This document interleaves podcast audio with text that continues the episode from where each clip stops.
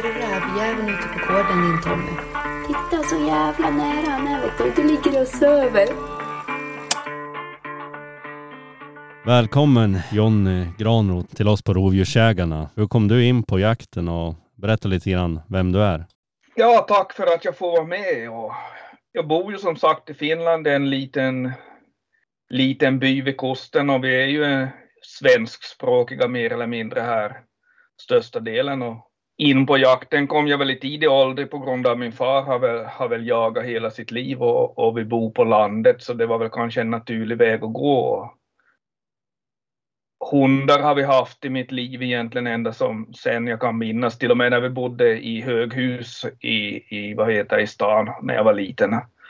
Då hade vi ju stövare och det var ju harjakt som gällde på den tiden. Men att det har kommit mer och mer i bilden så blev det ju älghundar och, och det där ett och annat. Att, men stövarna har väl kanske varit närmast hjärtat sen från början. Att min, min första egen, egen hund var en, en chillestövare faktiskt. Som jag tog för harjakt. Vad hände sen då liksom? Hur öppnades ögonen för de här björnarna som du senare kom att jaga? Ja, det var väl på så vis att jag, jag köpte en grå hund för att, för att jag skulle jaga, vad heter det, älg.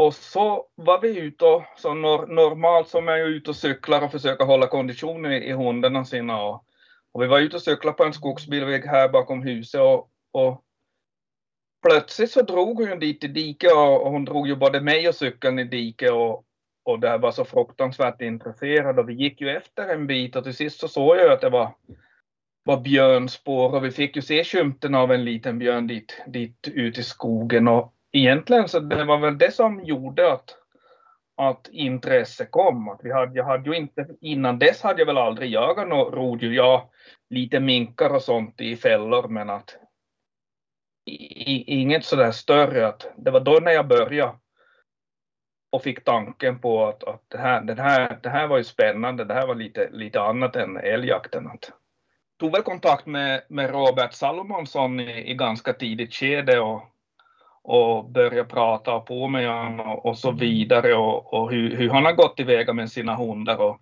vi fick faktiskt ganska bra kontakt redan tidigt skede och han var också hit och höll några föreläsningar och, och vad heter, lärde upp mig en bit på vägen hur, hur man ska gå tillväga för att prägla sina hundar och, och få den biten. Och, och jag började prägla den där första tiken jag hade och det resulterade i att hon började hitta också upp de där små rovdjuren på älgjakten och annars när vi var ute och sökte. Och det hade hon ju aldrig tidigare visat något intresse för överhuvudtaget. Att, så det öppnar ju en helt ny värld på en gång om man säger som så. Nej, tiden är det här. Hur länge sedan var det du började få den här gnistan för rovdjuren?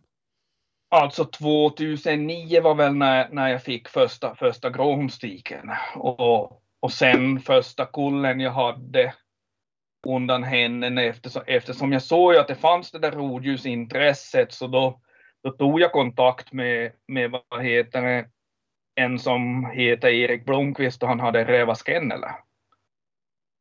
Och han, han vad heter det, hade, hade ju de här linjerna på koll och sånt och han tittade på stamtalan på tiken och, och han konstaterade ja men att den här, den här ser ju väldigt bra ut att skulle vi, pa, skulle vi passa ihop den här tiken med den där hanen så skulle vi få den där hästskon som ska finnas där på rovdjurshundarna i stamtavlan. Och på så vis så, så kom jag då i kontakt med, med Per Frank som har björnjägarens kennel i, i Sverige. Och jag använde ju då hans hane som han hade köpt från Revas kennel. Den här Revas Hau Ari. Och det där egentligen så blev det ju en linje avel på den här Ullarovs som är en norsk hund egentligen. Men att... Och sen, sen på den biten har det gått och, och det var ju någonting som Erik sa åt mig tidigt det där att du ska ju ska hålla dig till det som fungerar. Att du ska inte gå från den röda tråden. Hittar du den röda tråden så håll dig till den.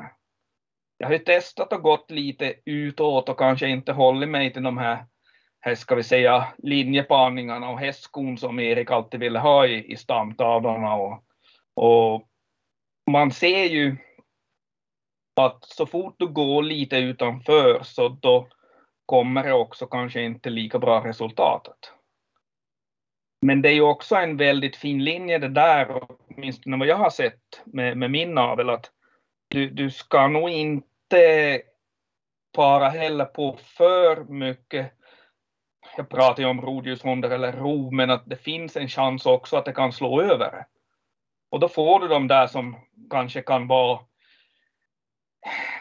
Förr i tiden pratade man kanske lite om, om aggressiva och, och kanske de där som de är ju inte brydd på så, men till exempel de kan gå fram till björn och de visar tänderna åt björnen och de skäller på björnen typ tio minuter, men att de är inte på så vis brydda att de skulle, skulle som vilja arbeta med björnen. Men de är absolut inte rädda för honom eller någonting.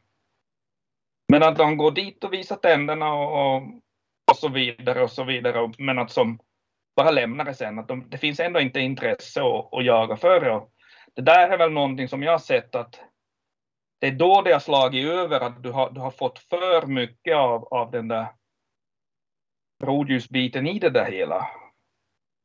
Att det, det, är en väldigt fin gräns innan den slår över och innan in, var du ska hålla sig. Ja, den här hästskon, eh, alltså det ska finnas eh, linjer som eh, går, går runt bak i, i ledet då eller? Många pratar ju om tiklinjerna när vi går in på, på ska vi säga, älgjakt och, och, och så vidare, men att ja, jag tittar ju inte riktigt på det där, utan jag söker efter den där hanen som har det där lilla extra och som jag vet att klarar av till nedärva. Och när du får in den där hanen från båda sidorna, som har varit speciell där just på den där rådjursbiten. När du lägger ihop den, så då, då har du det där lilla extra sen också i valparna. Naturligtvis ska ju också tikarna du använder ska ju vara av sorten jaktidioter. Att vi avlar ju inte på någonting som inte skulle vara jaktidioter. Att det, det, ska vara, det ska vara dygnet runt hundar om vi ska använda dem i, i min avel i alla fall. Att jag, jag vill inte ha hundar som, som ger sig efter sju timmar. Att det, det kommer inte på fråga heller. Att det, det är det viktigaste av allt, ska vi väl säga. Att det, det är många som pratar om att att det inte är någon skillnad ska vi säga på, på, på vad heter det, på rovdjurshundar och jaktlusten, men jag vill ju ändå påstå att det är nog en, en skillnad däremellan. Att det, eh, det finns ju många olika åsikter om, om sådana här saker också, att vissa tror på ett och andra tror på annat. Och, och så att säga, det, det frågar en annan så kan det vara något helt annat, men att så här ser jag på, på saken i alla fall. Att, Ja, men var det, var det en slump att det kom in på just gråhundar? Eh, för det var egentligen en älghund sa du från början, men liksom sen, alltså, du har ju ändå hållit fast vid gråhund. Ja, alltså far min hade ju några nå jämthundar och så vidare hit, hit slarvat, men att ja, som jag såg på det så var det mest handskmaterial. Åtminstone här på sidan. Och i regel när du tittar på på den där biten så, så de är ju mera fogbara och mera, mera de, är, de är väl kanske nu för tiden finns det jättemassor med linjer som har de där jaktidioterna och har den där stora jaktlusten och, och sådana såna saker och även också den där spårnoggrannheten som, som faktiskt gråhunden har en stor styrka i. Att det finns ju också nu jämthundslinjer som har den där biten men att då, då, när jag tog på 2009 vill jag nästan påstå att det fanns inte riktigt så mycket just sådana li, linjer, utan det, det, är någonting. De har ju avlat fram mer och mer jaktidioter på jämthundssidan i Finland. Och om man tittar på kullarna också, de så, på så vis att det där är väl lite på både, både på gott och ont, men att när vad jag nu har förstått så, så svenskarna är väl kanske inte alla gånger så, så positiva till den finska aveln på, på både gråhundar och, och jämthundar på grund av att de har det där långa förföljande och långa arbeten och, och så vidare och står nätter ut och in och skälver på skogen. Att. Om vi säger att du började, vad sa du, 2009 köpte du den här gråhunden och sen så upptäckte du björnjakten ganska kort därefter. Men när började du få lyck lyckosamma jakter? När, alltså, när börjar hunden fungera? och du, du började kunna säga att jag har en björnhund? Hur lång tid tog det? Ja, det tog väl nog rätt bra många år ändå. Att, att den första tiken som jag hade kan jag väl aldrig säga att var någon, var någon björnhund på så vis, men att hon skällde ju björnen och var jätteduktig på att spåra, men hon stod ju allt för långt ifrån och, och skällde och, och, och var nog ingen sån hund som jag skulle påstå att reste någon björn på frisöka. Men att jag hade ju jag hade ju fördelen på den tiden att, att vad heter det, jag fick ju umgås jättemycket med Per Frank och, och han hade ju en kamp uppe i, i vad heter det, i Ångetrakterna som, som jag fick vara med som hundförare och, och där via så, så gav han ju mig ovärderlig kunskap om just björnjakt och, och på så vis så lärde jag ju mig en hel del med, med till att gå som hundförare och vara sida vid sida med honom. Därifrån så kommer väl kanske kunskaperna och, och början till, till, till riktigt till få vara med på den där riktiga björnjakten. Och det var ju också där vi lyckades tillsammans, var jag på 2013 på som vi sköt tillsammans första björnen. Att, att det, jag, jag minns det så bra för, för att vad heter det, det var faktiskt då hanhunden till, till mina hundar och vi hade hittat den där legan på var han hade legat i flera dagar och vi, vi gick ju det där området från och till och, och det där vi visste att han, han fanns där och sen så hunden som jag gick med så var, jag hade lämnat min tik hemma hos Per Frank för vi hade åkt upp till upp mot Vilhelmina och var inbjudna dit en par dagar och, men det blev ingenting där uppe och de påstod de hade haft en jättestor björn där och, men vi såg nog inga spår av den kanske för ett par år sedan men att det är då en annan historia. Men att vi kom ju tillbaka och, och min hund fanns i Hudiksvall och, och jag lånade en av, en av en annan hund som en kompis som var med och, och vi gick ju precis på samma ställe där vi hade hittat legan och hunden hade markerat tidigare en vecka. Och sist och slutligen så reste ju den där tiken, den där björnen och, och började källa på men att hon gav sig ganska tidigt och kom tillbaka till oss. Och, och sen så, så fick, vad heter det, Rövas Arje och Rövas Silla tag på björnarna. Och vi såg ju, vi såg ju björnen komma över myren och, och det var, det var sån väldigt tidig morgon som jag syntes vet då när, när björn blåste ut den här dimman ur nosen och, och två gråhundar som kom bakom och jag minns jag sprang kanske ja, cirka 150-200 meter över stenbomlingarna där på, på hygget och slapp att få in ett skott och jag tyckte jag tog bra och björnen rullade runt och och lämnade och ligg bakom en sten och jag, jag var ju väldigt glad och, och, och överlycklig att tänkte att nu fick jag skjuta min första björn. Att det här gick ju bra, fantastiskt bra. Men så stiger han upp och, och på samma gång han stiger upp så har han ju varsin hund på, på varsin sida. Att, att jag försökte ju lägga ett tillskott men det fanns ingen möjlighet att lägga. Att hund, hundarna låg så pass fast i och de var ju nästan så så de bet i bakhasorna hela tiden, så det, jag vågade aldrig skjuta några fler skott. Då att, så det blev ju mer eller mindre eftersök på men att vi fick ju ändå, eller Per avslutade kanske en och en halv timme efteråt. Att det var en stor finbjörn på 196 kilo om inte jag minns fel. Att, att det var det var den första, första riktigt fina jakten för min del på björn. Det var fast redan innan det här, men det var kanske lite mer fast efter den där. Ja, efter det där så var, så var jag nog kört. Det, det fanns nog ingenting att... Det var nog nästan så, just den där tiden så...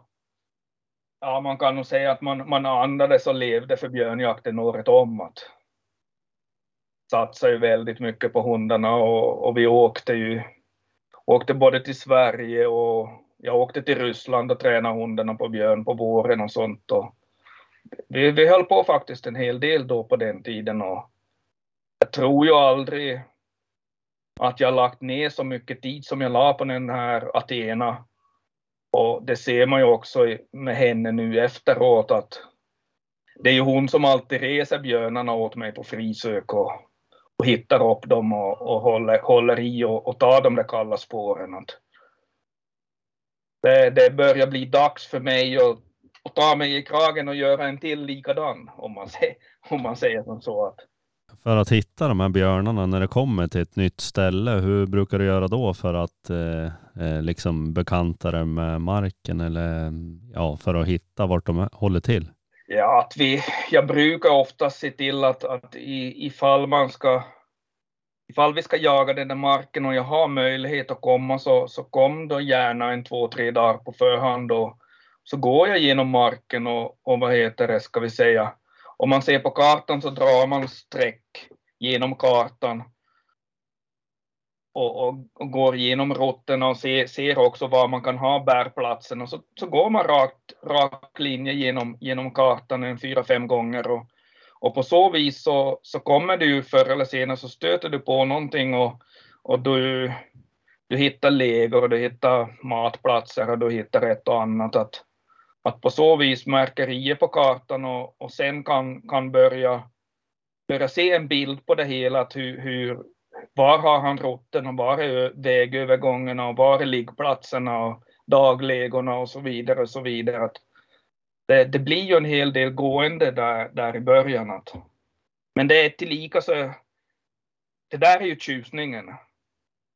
Och, och det är det där att vi, vi, vi jobbar på det där viset och vi, vi går med hunden och har den på frisök. Ja, kanske nio av tio gånger så, så jagar vi ren eller älg eller, eller någonting annat. Men då den där tionde gången när, när hunden har gjort jobbet och reser den där björnen åt dig och står stå på, står och käller på honom, så det är ju... Vi brukar säga att de gångerna så är det nästan, då är det klart. Då, då bär vi ut björn ur skogen innan, innan dagen är slut. Åtminstone i Finland. Eh, Erik, du som har jagat lite björn, har du några funderingar? Nej, jag, jag kan väl bara hålla med. Det, det här gåendet är ju, det är ju en eh, nyckel, men det är en väldigt jobbig nyckel. Det går åt eh, mycket svett och, och, och gå de här genomskärningarna. Hur tänker du där Erik då, det här med ha jämthundsaveln, liksom, har det blivit mer annorlunda på de senaste tio åren här? Du har ju ändå en spårande björnskällare. Ja, det har nog ändrat sig lite. Jag är ju inte jätteinsatt i jämthundarna ändå, men, men eh, det har nog ändrat sig lite. Eh, det skulle jag tro. Eh, sen eh, Sen är ju finnarna i framkant eh, på jaktlust och, och även, även rovdjursintresse skulle jag säga. Sverige ligger lite efter där. Men eh, vi plockar ju in mycket. Min är ju, det är mycket finskt bakåt i, i min med Vad är det för skillnad Jonne här med att jaga i Sverige och i Finland? Alltså om man säger jaga björn, vad är det för skillnader då? Alltså största skillnaden är väl kanske björntätheten att jag vet ett år så gick vi 30 dagar i sträck och vi hittade ett färsbjörnspår som vi fick jobba med. I, i Sverige så, så till exempel, åtminstone i de trakterna jag har varit så går inte gå ut på skogen utan att hitta, hitta vad heter det, no, no visten och, och, så vidare, att ifall du har ett område som är faktiskt är björn på. Att, att vi kan, kanske till exempel om man jämför som på så vis att i, i Sverige så har vi 10-15 000 hektar och, och, vi kan ha 5 till 6, 20 individer på området. Men att igen så tittar man på, på finska sidan och, och där jag jagar så är det ju björnskötselområden och det är ju stora områden vi är på. Och vi har ju ingen, ingen sån där björntäthet men att det intressanta är, är ju att just där jag jagar vad heter det, vid, vid finska östgränsen, så sommartid så har de vad heter sån här, sån här, ska vi säga, alltså fotografering och, och turister och att få komma och se på björnarna i björngömseln och så vidare. Och vet ni, de kan ha upp till 70 björnar på en natt, olika individer där. Mm. Och det är fruktansvärt mycket björn. Och, om man tänker som så, på ett litet ställe. Alltså ni skulle se när man går in dit på hösten, när man kommer dit och, och vad heter och, och, och ska gå och titta på, på visten och allting. det, det, ser ut som en massa hop med terrorister ska vara där. Varenda liten kvistträd är ju avbrutet där. Och, och vad heter det, det är ju mycket, det är mycket björn, alltså hona med ungar och så vidare som är på den där platsen naturligtvis. Och det, det som är intressant där att, att det är ju oftast de här, de här äldre och stora björnarna, de drar ju sig, de vet ju om när det blir 20 augusti. Vet du att de, de, de har varit med så pass länge att de vet när jakten börjar och när, när de ska söka sig därifrån. Plus att de slutar inte mata på på de där matplatserna. Så, så slutar de att mata på, ska vi säga en vecka eller två veckor innan. Och så lägger de upp en massa bandspelare och sånt som spelar i skogen så att de ska hålla sig därifrån. Men det är också, också ska vi säga, jag har ju kommit i kontakt så jag, jag jagar med lokalbefolkningen där som har jagat i urminnes tid. De har ju jagat björn och, och de har jagat järv och varg och alla rovdjur som finns och de jagar ju det fortfarande eftersom det är ju björnskötselområde, eller ska, renskötselområde och de är ju renägare. Men att ni vet, tidigare så var det ju, var det ju den där rennäringen så, så tog man ju och använde, använde och sålde, sålde renarna och, och slaktade och så vidare. Men att, ska vi säga de här mindre, mindre vad heter renägarna, så de, de livnär ju sig egentligen inte alls på det där mer och, och sälja något kött eller något. De livnär sig på att, att vad heter eh, rovdjuren äter upp deras renare. Och då ska ju dokumenteras och, och ofta ska ju renen ha halsband du ska, du ska hitta upp renen och du ska veta av var de finns och, och, så vidare. Du ska hitta halsbandet och få dokumenterat att, att vargen eller, eller järven eller något annat rovdjur har tagit det här då på så sätt. Att oftast så får man ju också sen, sen när det blir så att de tar gång på gång renar så får man ju oftast, ska vi säga, skyddsjakter men att det är det där att du ska kunna bevisa att det är just den individen som har tagit. Så att skyddsjakt på varg som sommartid eller höst eller vår så är ju, det, är ju, det går ju inte. Lika med järvarna också att, och björnarna. Eftersom det går ju inte att, om inte man nu råkar på björnen exakt då, då när han är där men att men att oftast så ska du ha det där spåret att gå på från, från renen då i sådana fall. Men att det fälls ju en hel del rovdjur också på skyddsjakterna dit uppe i renskötselområdet. Och, men även fast det fälls så väller det ju bara mera in från, från ryska sidan. Att på ryska sidan så är det ju mycket ödemark och det finns ju ingenting egentligen. Det är, det är sådana där orörda områden att, att det finns inga vägar eller någonting sånt dit på sidan. Att, så de, de får ju leva hur bra som helst på den sidan var ganska intressant. De berättade om, om en varg vet, som hade varit ända ner nästan till södra Sverige och till Norge. Och han hade vandrat hela vägen från, från östra Finland och vid Suomussalmi. Så hade han vandrat ända dit ner och så hade han vandrat tillbaka hela vägen tillbaka och, och dit till östgränsen. Och så på dagarna så låg han på ryska sidan. Sen på nätterna så kom han in på finska sidan och slog renarna. Så där höll han på en bra tid innan de till sist till slut så fick de ju han. Men att det där är ju också en sån sak att vi har ju också varit här i Kustösterbotten nu för tiden och, och tittar man på de vargarna och så tittar man på vargarna som vid östgränsen och jag vill ju påstå det är något helt annan storlek på de där ryska vargarna vid östgränsen. Det, det, det, det är någonting helt annat. Det går inte egentligen att jämföra.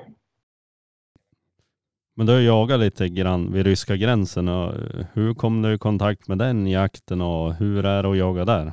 Alltså alla egentligen de här jakterna som jag sluppit in på, så det är ju via att jag har sålt valpar åt, åt valpköpare och, och valpköparna då som har bjudit in mig till på olika jakter, både i Sverige och vid östgränsen. Att han som, som har, vad heter det, som jag brukar jaga med vid östgränsen, så han har ju två stycken hundar av mig för tillfälle och, och det där.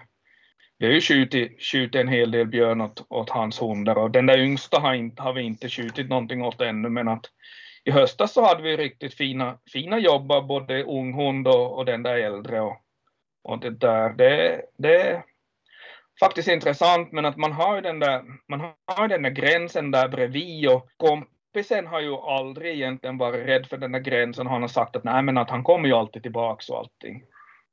Men nu när, när han börjar vara det där, vad är han, ska han vara fem år nu eller någonting sånt? Och han är faktiskt, han är faktiskt fruktansvärt duktig den där hunden och han reser björn på frisök och han, han, han lämnar alla andra vilt för att jaga endast rov och, och det där på så vis att han, det är en väldigt värdefull hund.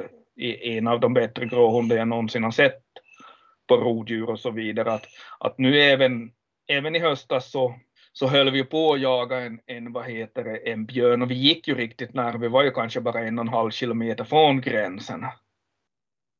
Men det tog ju inte, det tog inte lång tid innan, innan han stack över och, och for över med björn och så började han själv på ryska sidan och han skällde ju hela dagen och det gick bara längre och längre in på ryska sidan. Och då, då sa nog kompisen att ja, han vet nog inte riktigt. Och om han nu får hunden tillbaka den här gången så, så jag, jag tror jag är lite försiktig att gå så den här gränsen nästa gång.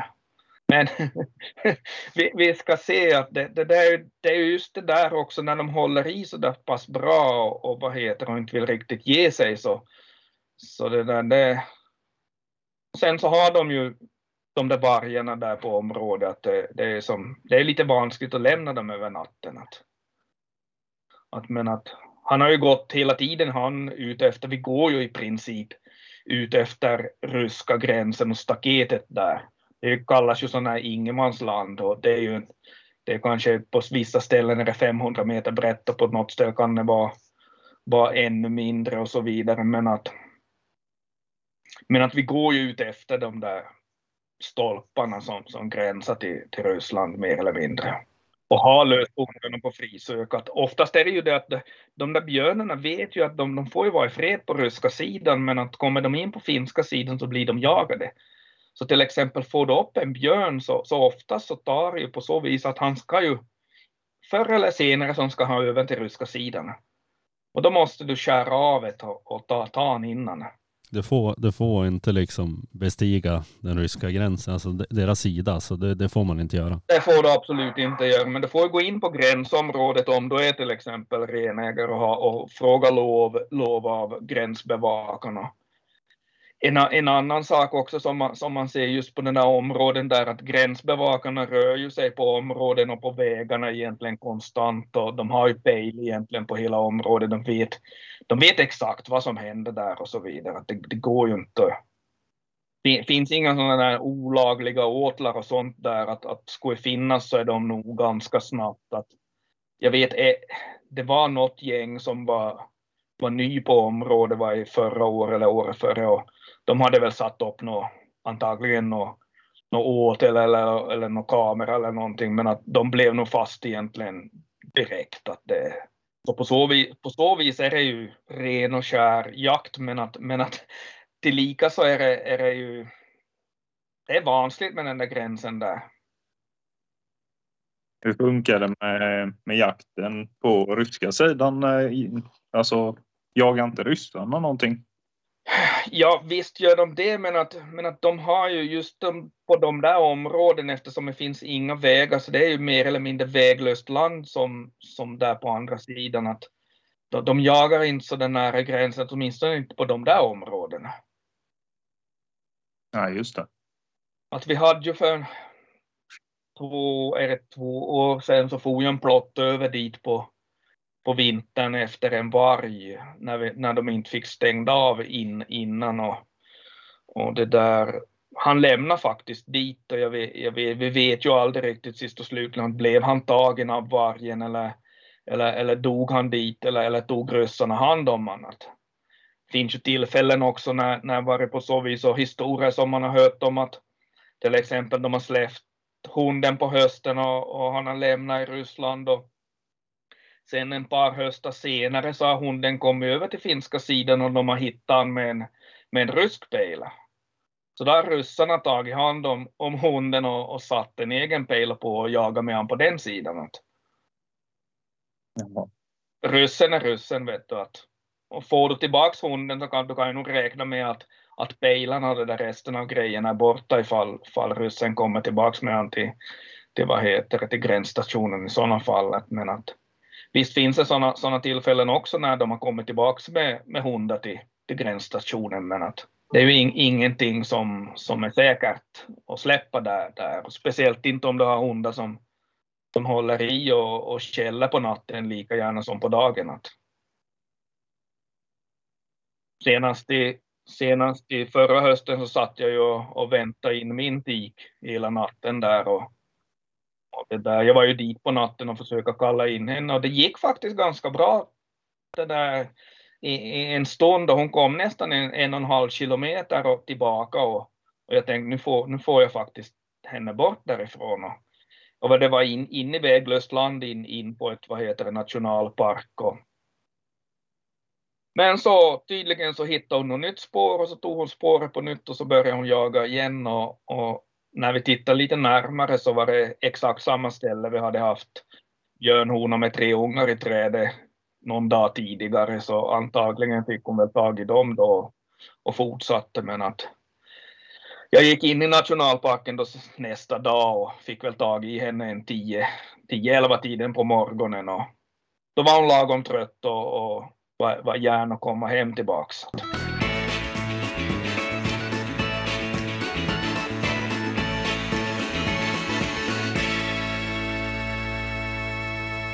Rovdjursjägarna med mig Tommy Mig Petrus. Och mig Erik. i samarbete med Hunter.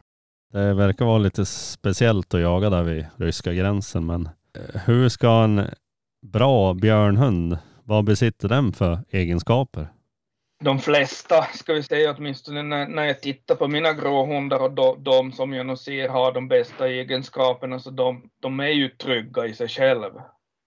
På grund och botten att det är ju lugna och harmoniska och, och inte gör något mycket väsen om sig. Var, varken hemma eller någon annanstans. Det är lite som Ferdinand som luktar på blommorna och att de, har, de har den där egenskapen att när det går till skogen så vrider de en brytare och så är det något helt annat. Att...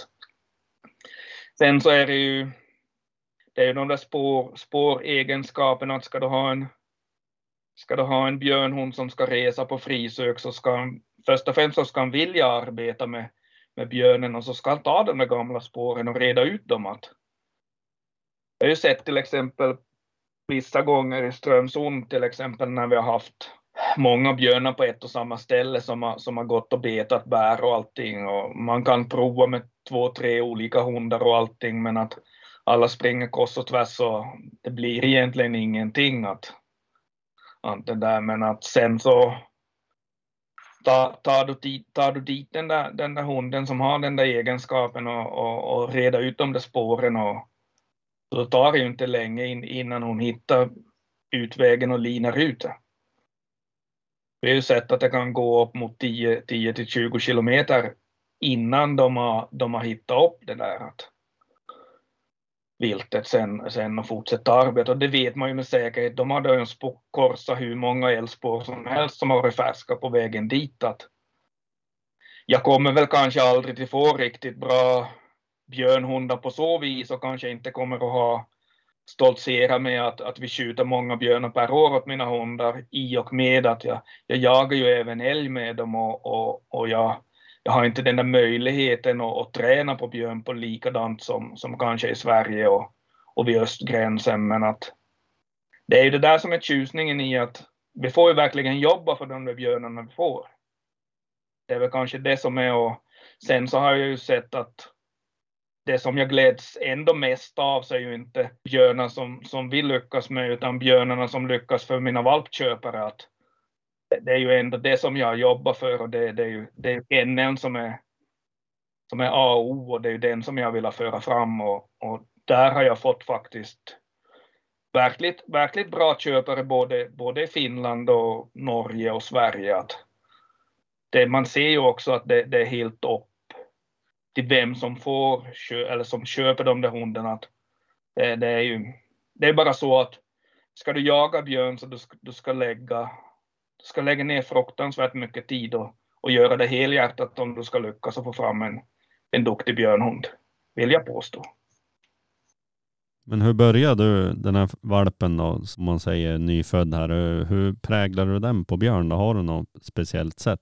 Vi använder väl en hel del björndoft och, och vad heter det, och även, även grävling och mårdhund och, och, och ska vi säga rådjursdofter i, i regel, men att björndoften finns ju med ända sedan de föds. Så det där är väl någonting som jag, jag hittade och tittade på, på några filmer på Youtube för länge sedan som Lars Svanberg har gjort. Att, att han, han pratar ju om att man tvättar bort den där rädslan, rädslan för björn och alla hundar har den där rädslan mer eller mindre. Men att jag vill ju ha det på så vis att första gången när jag kommer till skogen med den där valpen och vi står i björnspåret då ska han stå och vråla och vilja lös och, och bara vilja dit. Han, han, ska, han, ska, han ska göra det med glädje. Det där vill jag påstå att vi har lyckats med med varenda en av mina egna hundar i alla fall. De har haft en fruktansvärd glädje att vilja bli släppta. Och vi har även släppt dem i mörker och vi har släppt dem dagtid och oftast har de inte varit gamlare än året jag, jag har inte haft tålamod att vänta och när jag fått chanserna så har jag tagit dem. I och med att vi har så, så lite chanser som vi har här hos mig. Men du alltså, om du får en, en chans på, även fast det är mörkt, så har du släppt den här ettåringen, gråhunden här, och hur har det gått då?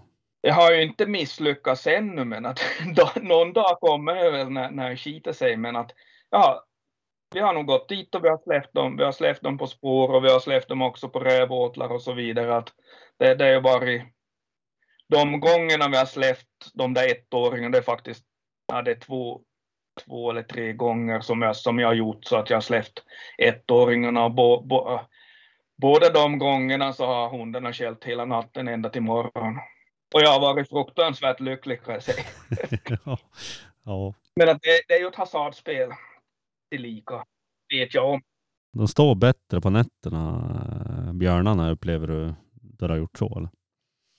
Ja, till början så länge det är mörkt, men, men åtminstone det är olika, det är olika på björnar. Björnar att vissa springer alltid och vissa står bättre och vissa är bara elaka och står och kastar sten och stampar i marken. Men att, men att jag, jag hade väl en sån, sån pass tur att, att när jag körde igång de här de som är äldst nu, att då, de kullen på 2012 och, och den där unghunden som jag hade då, en hanhund som jag hade köpt in, så vi fick faktiskt en sån här 200 kilos björn hit på, på Rävåten som, som vad heter som det gick faktiskt riktigt bra att träna på att han, han stod på för hundarna och så vidare. Jag minns en dag när jag var fyllde på vad heter med lite rävmat så så hade jag hund, unghunden med och jag tyckte hunden började bete sig konstigt och raggen stod på ryggen och jag tittade upp så och står och plockar i påsen så står ju björnen där på, på 20-30 meter ifrån mig. Och jag tittade tillbaka lite och tänkte, jaha, hur ska det gå nu? Hunden stod blickstilla, inte ett ord, inte ett ljud. Och så tittade han på mig och så svängde han bara långt runt och så gick, gick han sin väg och lufsade iväg tror han gick väl kanske 150 meter. För jag åkte väl hem och så åkte dit på nytt och släppte hunden. Och 150 meter bort så, så var han och han stod pall. Han, han tog sig ingen väg alls.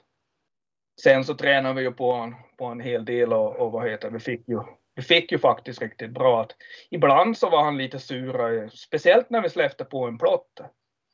Det gillade de faktiskt inte, tror jag, egentligen. Att, att det, det, gick, det gick, han var lång med gråhundarna och, och med en gråhund, men, att, men kom plotten dit så var det på något vis att han, han började leva fan runt om där i buskarna och han ställde sig alltid i tätt snår och så vidare. Men att vi har faktiskt en, en riktigt bra, bra också här i, i höstas när vi var i, i Suomussalmi så hade vi ju med den här den här äldre hunden så hade vi, hade vi vad heter, björnhonor med ungar i, vad heter, som, som man stod och skäll, skällde på. Vi skulle gå dit och försöka koppla, och, men man måste ju i alla fall ta, ta chansen att få den där träningen och, och så vidare. De är ju inte så ofta. Att, han var ju bara ett och ett halvt år gammal den här unghunden då. Så vi släppte ju dit han också med, med en annan hund. Och, Och det där. Och det gick på det viset att, att vad heter det, honan så hon tog ett varv på cirka 200-300 meter runt det. Och så sen så kom hon tillbaka och så vrålade hon och jagade bort hundarna och så lockade hon ner ungarna ur trädet och sen, sen så stack de. Men då såg man ju att, att hur, hur, på vilket vis hon, hon ställde sig och på vilket vis hon gjorde med, med hundarna och hur, hur hon jagade hundarna. Så det, det kan jag ju säga att det där var ju inte rätt tillfälle att heter, att släppa in en ung hund. Men han tog det bra och sen så, så fortsatte ju de och det där gick faktiskt ända in i Ryssland. Och, och vad heter och, men man såg var varje gång vad heter unghunden kom upp den björnhonorna. Så vad heter det så stannade han upp och så skällde han en liten stund och så kom han till i bakspåret. Men sen så, så fortsatte han hela tiden och så, så jagade han igen och så kom han upp och så kom han i bakspåret lite och tog, tog sig, antagligen tog han sig kraft till och, och mod och, och vad heter det, återhämtade sig lite och andas ibland emellan och så får han tillbaka och så vidare. Sen efteråt så har han ju även rest honor med unga själv och, och vad heter det, vi fick ju faktiskt filma riktigt bra filmer och jag måste säga, det var faktiskt jag tror vi la väl upp den, upp den kanske på sociala medier och jag tror jag fick över 450 000 tittningar på den. Så det var lite, lite speciellt. Sociala medier överlag så, så har jag väl varit, man, det är svårt det där med sociala medier för det, det kan förstöra så fruktansvärt mycket men, men tillika så gör det ju en, en hel del också åt, ska vi säga, reklam åt kenneln och hundarna och, och det finns som man ser ju att det faktiskt, det är inte bara prat utan det finns ju också saker och ting på, på video och så vidare att, och film att du, du gör ju inte sådana där filmer överhuvudtaget om inte du har, har fungerande hundar. Det, det är ju bara på det viset. Och vi hade ju också en, en incident när vi, det var faktiskt plott, Plotta som jag, jagade en, en skadskjuten björn och jag fick komma med, med på den där jakten och placera ut mig på en väg. Jag tog mig egentligen 10 kilometer runt om, så jag var, jag var längst bort från alla andra. Och, och jag tittade, tittade att ifall, ifall han slipper att smita ut så är det där han kommer. Det var ju faktiskt ganska mäktigt när plotthundarna kom och vrålade där i skogen och, och Björn steg upp på vägen och, och jag sköt och samtidigt så sköt en annan som hade kommit dit, dit då. Och vad heter det, så vi sköt ju som mer eller mindre, vi släppte ju björn över vägen plus att det var, var en, en, en, ska vi säga, en kurva. Så det fanns ju ingen risk att vi skulle som skjuta mot varandra på så vis, utan vi sköt ju bort ifrån från vägen över mot diket i andra sidan, så det fanns ju som, men att vinklarna och sånt är ju inte alltid, det säger ju inte alltid rätt på film.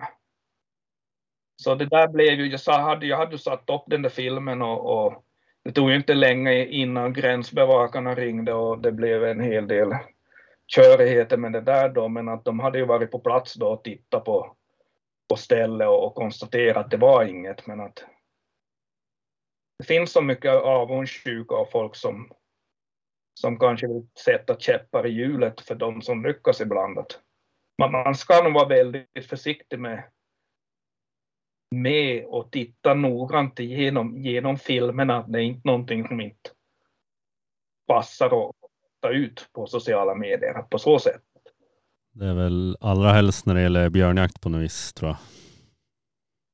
Jo, då är nu ännu mera granskad än, än all annan jakt. Sen så är väl rovdjursjakten överlag väldigt, väldigt hårt bevakad för tillfället. Jag vet ju som här i Finland nu också så så har de ju även, även stoppat grythunds, ska vi säga träning i, i konstgryt efter någon incident som, som någon hade filmat någonting också. Så det, det kommer mer och mer sånt där motstånd som, som ibland skulle jag kanske vara mycket bättre om inte allting skulle komma på film. Att lite väl mycket kommer på filmduken nu för tiden. Att, att, så det... Jo, man får tänka både en och två gånger innan man lägger ut den här videon. Ja, faktiskt. Så jag lärde mig läxan i alla fall. Att någon fler skjutning på björn sätter jag inte ut. Nej. inte de närmsta åren i alla fall. Nej, men eh, om vi säger, har du lärt dig någonting under den här tiden? Eller har du gjort något misstag från början som du inte skulle göra idag? När det gäller typ injagning av björn? Ja, det går ju inte att köra de där unghundarna hur mycket som helst. Att det ble, blev väl kanske att den här ena tiken så, så vad heter det, så blev använd. Hon, hon var bara ett år när hon åkte till Kanada och, och slapp att vara med och jaga svartbjörn, men att hon blev jagad i, i sex, sju dagar i sträck och det var ju väldigt hög värme. Så, så jag tror ju mer eller mindre att hon, var, hon, blev, hon blev väl nästan sprängd av värmen och efter det så har inte hon har inte visat de resultat som jag förväntar mig alla gånger. Så där ser man att jag fick jobba väldigt länge med henne till att få tillbaka den där, den där konditionen och ens kunna använda henne när det var lite varmare väder. Att hon är ju riktigt bra med valpar och allting på så vis, men att, men att kanske själv så är nog inte den där, den där björnhunden som jag använder i första hand. Sådär, har Petrus någon, någon fråga här eller någon in, inflik? Nej, jag funderar väl mer på sån här grej. Det är alltså totalförbjudet att fara över med bil och hämta sina hundar om de går över ryska gränsen? Ja, det är helt förbjudet. Ja. Ingen, ingen sån chans överhuvudtaget att åka över ifall du inte skulle ha visum sen tidigare eller någonting sånt. Att, Sen så är det ju så att, att Ryssland har ju så fruktansvärt strikta regler med, med alla rabies och alla andra vaccinationer och allting, så egentligen så finns det ingen som har vaccinerat, eller på så vis hundarna och EU-passet i skick på hösten när, när man är där och jagar. Att det, det, det är nog helt andra, de har nog en hel del egna regler att det där är ju någonting som är, som är bekant i och med att vi har varit dit med hunden till Ryssland och tränat på björn på våren och så vidare. Att därifrån har man, har man ju sett att, sett att då, vilka olika vaccinationer och så vidare som du ska ha, ha som är. Det, det är på något sätt att varje år så verkar det som ryssarna hittar på något nytt för att, för att göra det värre. De vill inte att eh, andra ska komma dit.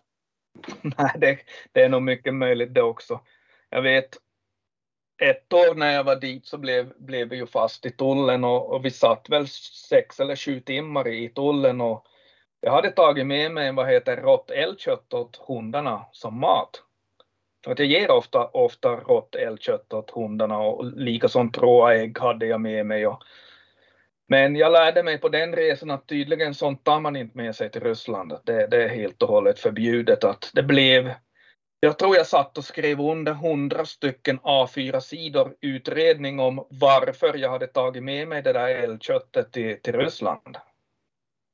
Och vet, vet ni vad det värsta är? Sen så kommer ju, kommer ju att det ska vara upp, upp i rättegång det där hela, hela affären och, och, och jag ska måste infinna mig på rättegången. Att om inte jag infinner mig på rättegången så kommer jag också få en hel del böter och så vidare och så vidare. Och, No, naturligtvis så åkte jag ju aldrig dit sen, sen och de hade rättegången och det kom sen hem papper på att jag hade fått böter och att jag måste åka till en rysk bank och betala. Det fanns inte möjligt att, att lägga inne på något konto eller någonting utan bot, boten måste, till, måste då in till rysk bank och betala. Och, och skulle du inte få det där ordnat så naturligtvis så slipper du ju inte in till Ryssland nästa gång heller. Inte. Det är ju helt säkert. Att. Men jag fick ordna då sist och slutligen med en bekant som hade, hade en vad heter, rysk flickvän som jobbar på någon ambassad. Och hon, hon, så gav jag då pengarna och så åkte hon dit och, och betalade in den där boten på, på, vad heter, på banken. Det där blev ju en hel del kostnader om vi säger som på så vis åt, åt ryska staten eller och så vidare. Vet ni vad boten gick lös på? Kan ni gissa? Nej. 500 kronor. Alltså 50 euro då. 25 euro, 250 kronor. Helt fantastiskt. Så det blev ja. ju inte, det blev ju inte dyr affär i alla fall. Som dyr. Men det är inte, det är inte så dyrt, dyrt, dyrt rättssystem där heller. Nej, det är ju inte det.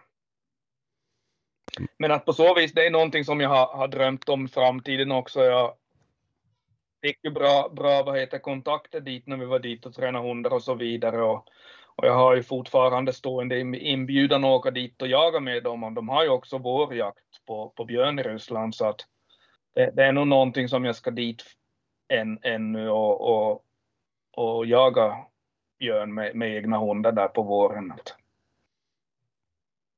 Det är lite sådana dröm som man, som man har eller som, som, som ännu ska utföras. Jag kommer ihåg, det var några år sedan, så var jag gjorde Jönsele björnprov där de var där och då var det några som kom från Finland som hade också varit i Ryssland och tränat på de här björnarna som är försedjade. Men eh, det var så olustigt att vara där så de hade slutat åka dit sa de. Men eh, du upplevde det också kanske lite olustigt eller? Det där är väl, det beror också på vart, vart du hamnar och till vilka olika ställen. Det finns ju, det finns ju flera, flera olika ställen att åka till och dit, dit jag har varit så, så tycker jag det hela arrangemanget och allting har ju varit på, på ett fint sätt och, och inga, inga olustigheter på så vis kan jag tycka att björnarna har haft det bra och de har mått bra och det, det har inte varit något, men att som sagt i Ryssland det, det kan vara helt, helt annat på ett annat ställe. Att det behöver inte alls vara att vi har varit i samma ställe heller. Att... Är det där i Ryssland, är det en stor kultur tror du att jaga rovdjur och björn och så? Här? Jo, nog är det ju det nog. De, de, jag, de jagar mest med, med de här lajkarna sina och, och vad heter det och de, de är ju faktiskt skarpa de här hundarna och så vidare. Och, och jag har ju faktiskt funderat på att det skulle vara intressant någon gång i framtiden kanske att prova på en, en Laika från Ryssland, men att det är nog svårt att lita på ryssen. Att du får det som du köper. Eller ska vi säga att jag skulle gärna i sådana fall då vilja, vilja ha en ung hund som, som jag skulle åka dit och titta på och, och, och väl, välja ut själv. Att de, de är, finns så mycket olika, både duktiga och, och, och sämre ska vi säga. Att men, men att slipper man nog in, in på de där på de där rätta linjerna där också, men att stamtavlor och sånt, så det kan ju finnas vad som helst i stamtavlorna. Att många, många så har de ju sett några stamtavlor som många så är det ju skrivet till och med att, att de jagar räckorre och så vidare och, och sånt. Att det, det är lite annat stuk på än, än på stamtavlorna här omkring om man, om man säger som så.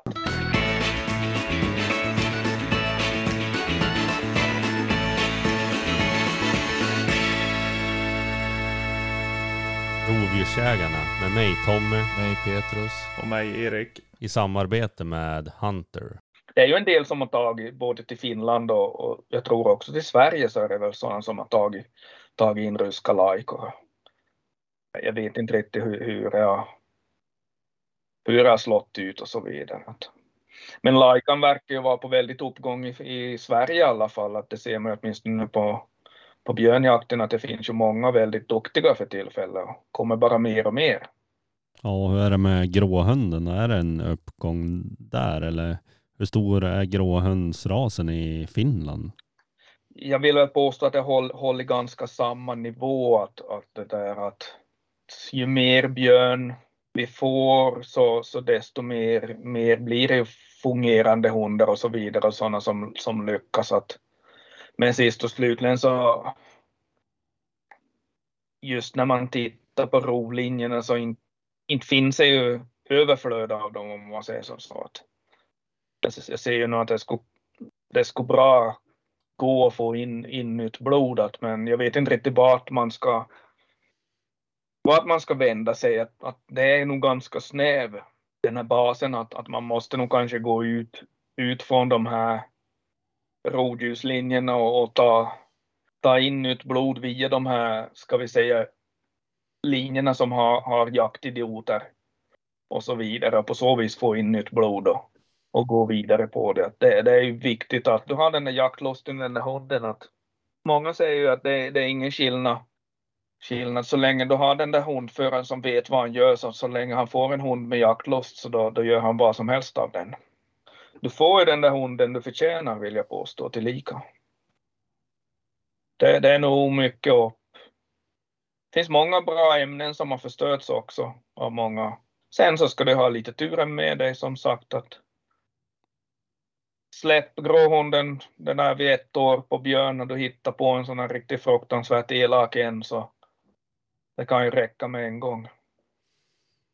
Vi har ju sett också, också hundar från min kennel som har, som har jagat björn, som är till och med skjutits björn åt och, och som i, i något skede har träffat på någon, någon riktigt elak björn. Och sen efteråt så har det varit, varit kört. Att det är ju inget att lägga under stolen att sånt, sånt kommer ju förr eller senare när du håller på med sånt här. Att Men har du någon, eh, din, din mest minnesvärda jaktdag när det gäller björnjakten här, har du någon sån?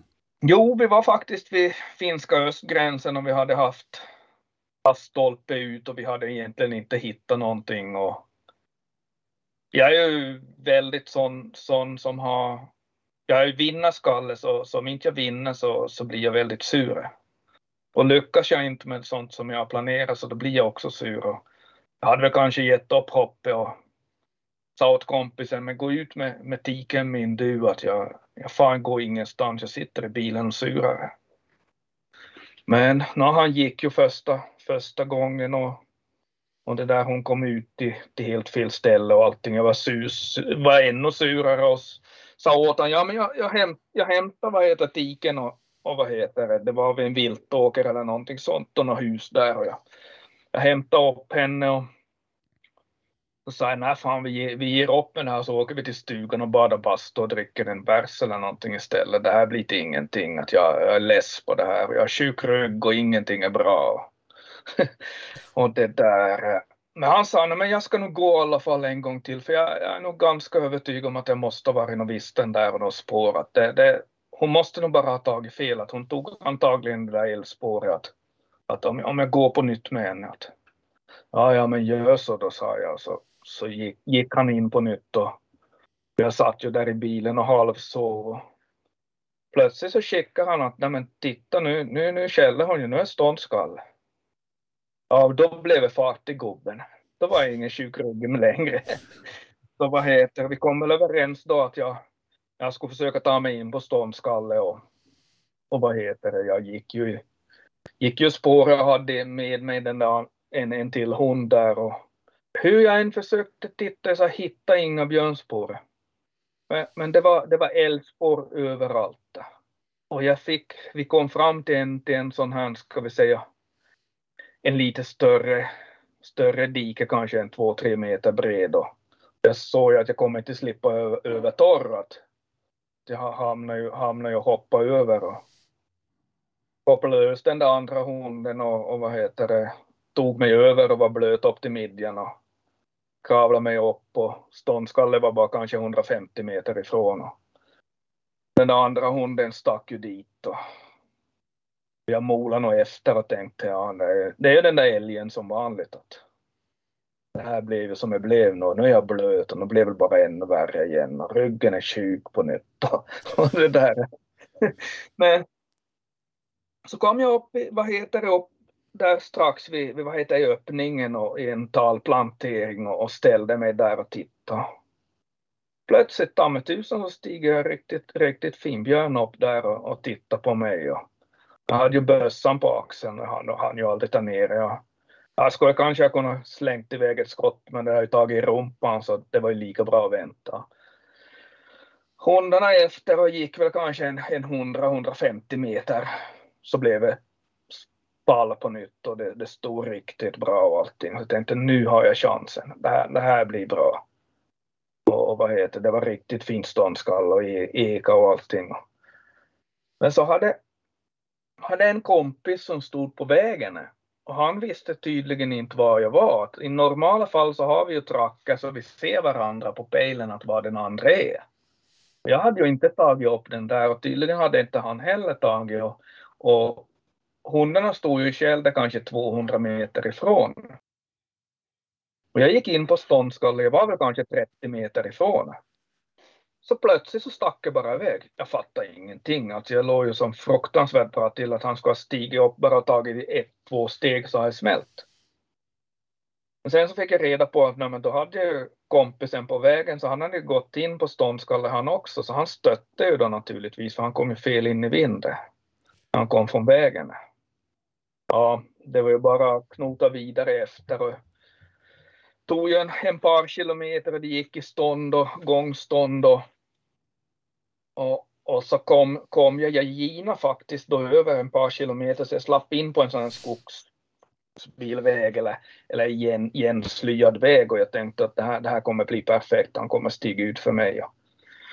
Men att han valde då att ta, ta vinkla kanske en 150 meter ifrån mig och så, så såg jag på tracken att nej, men nu står ju kompisen där, nu kommer det smälla. Och det smäll, smällde och så tänkte jag yes, nu är det klart. Men så såg jag, men vad tusan, hundarna fortsätter ju. Vad är det här nu då? Och så gick det 200-300 meter och så blev, blev det stopp igen och, och ståndskall. Klockan började bli mycket och det blev bara senare och senare och mörkret kom ju på oss och, och vad heter det, innan vi slapp, slapp vidare dit och, och vad heter det.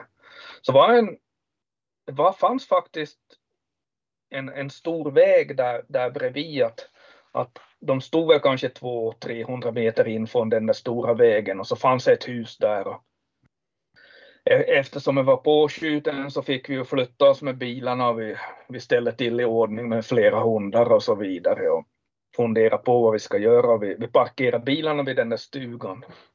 Och då såg jag bara, där kommer en full finne ut ur stugan och frågar vad i helvete håller ni på med här? Att är det, det här är något krig eller någonting. Nej, det är långt att vi, vi jagar en skadad björn. Och så tyckte Finn, ja men då så, då får jag hämta bössan. Så stack jag in i huset och hämtade bössan och stod där och viftade på gården. Så vi tänkte få se vad det här ska bli nu ända till. Klockan hann ju bli rätt mycket och, och vi funderat vad, vad ska vi göra nu och, och det där. Att, men vi ville ju ändå avsluta, avsluta det där att vi visste ju att det hade tagit bra och, och tänkte att det där, det där är väl inte så. Så vi gick in tre man starka. Det var ju, det var ju beckmörkt. Klockan var väl elva tiden på kvällen eller någonting. Och vi hörde ju hur, han, hur, hur Björn jagade hundarna där och, och vrålade och skrek och, och höll på. Så vi lyste med lamporna där och så var det massor med sådana ormbunkare, sådana gräs som är ganska högt, upp, det är nästan till midjan. Det såg ju inte riktigt bra ut. Men det, vi hade ju pannlampor så vi lyste ju på björn och vi lyste på, på hundarna. Och den där ena hunden som just den där kompisens hund så, som är undan min tik så han kom ju och hälsade på oss en par gånger. Och, och tiken min höll sig där bredvid att hon släppte nog inte han mer än en, en, två meter max på avstånd och höll sig faktiskt bredvid hela tiden. Och så beslutade vi till slut att nej, nu, nu, nu avslutar vi det här, att det, det som vi, vi, vi måste försöka ha första skottet. Och det blir ju när du skjuter i mörker så blir du blir ju blind efteråt. Du sköt och så hörde du och så kom man ju kutande fyrsprång och, och vad heter buskarna gick av och kvistarna gick av och hundarna började skälla på nytt och han var ju bara ännu närmare. Och så sköts ett, två skott till och samma sak igen. Han rusade på och vrålade och skrek. Det var, det var precis som inte ens fast vi vet att det tog ju skotten och allting men att han, han var ju som så chockad så det, det är som det, det, det var som ingenting åt honom. Så flyttade sig kanske 50, 50 meter till sidan och vi, vi gick ju runt och, och vad heter och, och tog, tog han rakt framifrån och då var vi, var vi två stycken som gick in sidbredd och, och när han lagade upp huvudet så sköt vi båda två samtidigt och då, då lämnade han ju där i diket då. Så det, det, ögonen spärrar i huvudet en bra stund efteråt kan jag säga i alla fall. Att det, det var nog adrenalin på hög nivå. Att det, det, det lika var ju väldigt dumdristigt men men han som jag hade med mig in skulle jag gå in med vilken dag som helst. Han, han har jagat björn hela sitt liv sen han, sen han kunde gå så det, det fanns aldrig någon jag såg aldrig att det fanns någon risk att, inte, att vi skulle som misslyckas. Att, jag skulle väl inte ha gått in själv, det, det är jag helt säker på. Men att med, med han vid min sida så fanns det aldrig något, vad heter det, något, något sånt att jag skulle ha tvekat. Att, men det är ju sådana där, sådana där gånger som måste ha sådana, sådana som går att lita på. Du vet vad som händer när, när det blir tajt. i situationerna. Men att, Vill ha bra lampor då som inte sviker en. mm, de lamporna var inte bra kan jag säga. Men nej, det är nog ändå, ändå ett av de, de bättre min, minnen att, att, vad heter det, på så vis det var, det var någonting. Det var speciellt att eh, i och med att det också var ju min, min egen tik och, och, och hennes son så, så det var ju på så vis var jag får avsluta de två då också så var det ju en speciell grej att Ma maximalt adrenalinpåslag. Ja, och, och vad heter det, med tanke på att hon reste den där björnen på frisök och allting igen en gång, så det var ju det, det som... Och att man kan få avsluta de, de där gångerna också när, när de hittar upp dem, att det gör, det gör ju mer. Mer, det, det är ju det där som är det där att du, du kan ha en massa, massa vad heter det, björnkällningar och så vidare, men att få då aldrig det där avslutet åt, åt hundarna så, så blir det kanske inte på samma sätt, men att får du det där avslutet de där få gångerna de skäller så då, då växer den där hunden betydligt mer än att till exempel att hon skulle ha skällt fem gånger utan avslut. Men eh, vi kör några snabba frågor nu som eh, krävs ett, ett litet snabbare svar. Ja, vi ska se om vi lyckas. Till björnjakt. Eh, Plotthund eller gråhund? Bra hund. Du säger också att du jagar både älg och björn med dina hundar, men om du bara fick välja en sak, älgjakt eller björnjakt? Björnjakt. Grov kaliber eller fin kaliber om man säger klass 1, 9 3 eller 6,5? Fin kaliber. Du jagar också både i Sverige och Finland, så jakt i Sverige eller jakt i Finland på björn? Sverige. Rakrepeter eller cylinder? Rak. Om vi säger så här, jakt i söder eller jakt i norr? Jakt i norr. Och eh, vad tar du i bänkpress? 138,5 kilo. Okej. Ja, där får du en competition Petrus. Får jag competition? Ja, jag menar det. Du tog ju 130 sist och failade på 150 så att vi vet ju inte om du tar mer eller mindre. Nej. Jaha. Hamnar vi och börjar tävla nu då också? Ja, precis. Jag, jag, jag tror inte ens vi tävlar i samma viktklass om vi ska vara så. Nej, kanske inte. Vi får tacka att du ville vara med här på Rovdjursjägarpodden. Det var väldigt trevligt. Ja, det var verkligen trevligt att pratas vid. Jag tackar att jag fick vara med. Ja, tack så mycket. Tack, tack. Tack. Hej då. Hej. Hej då.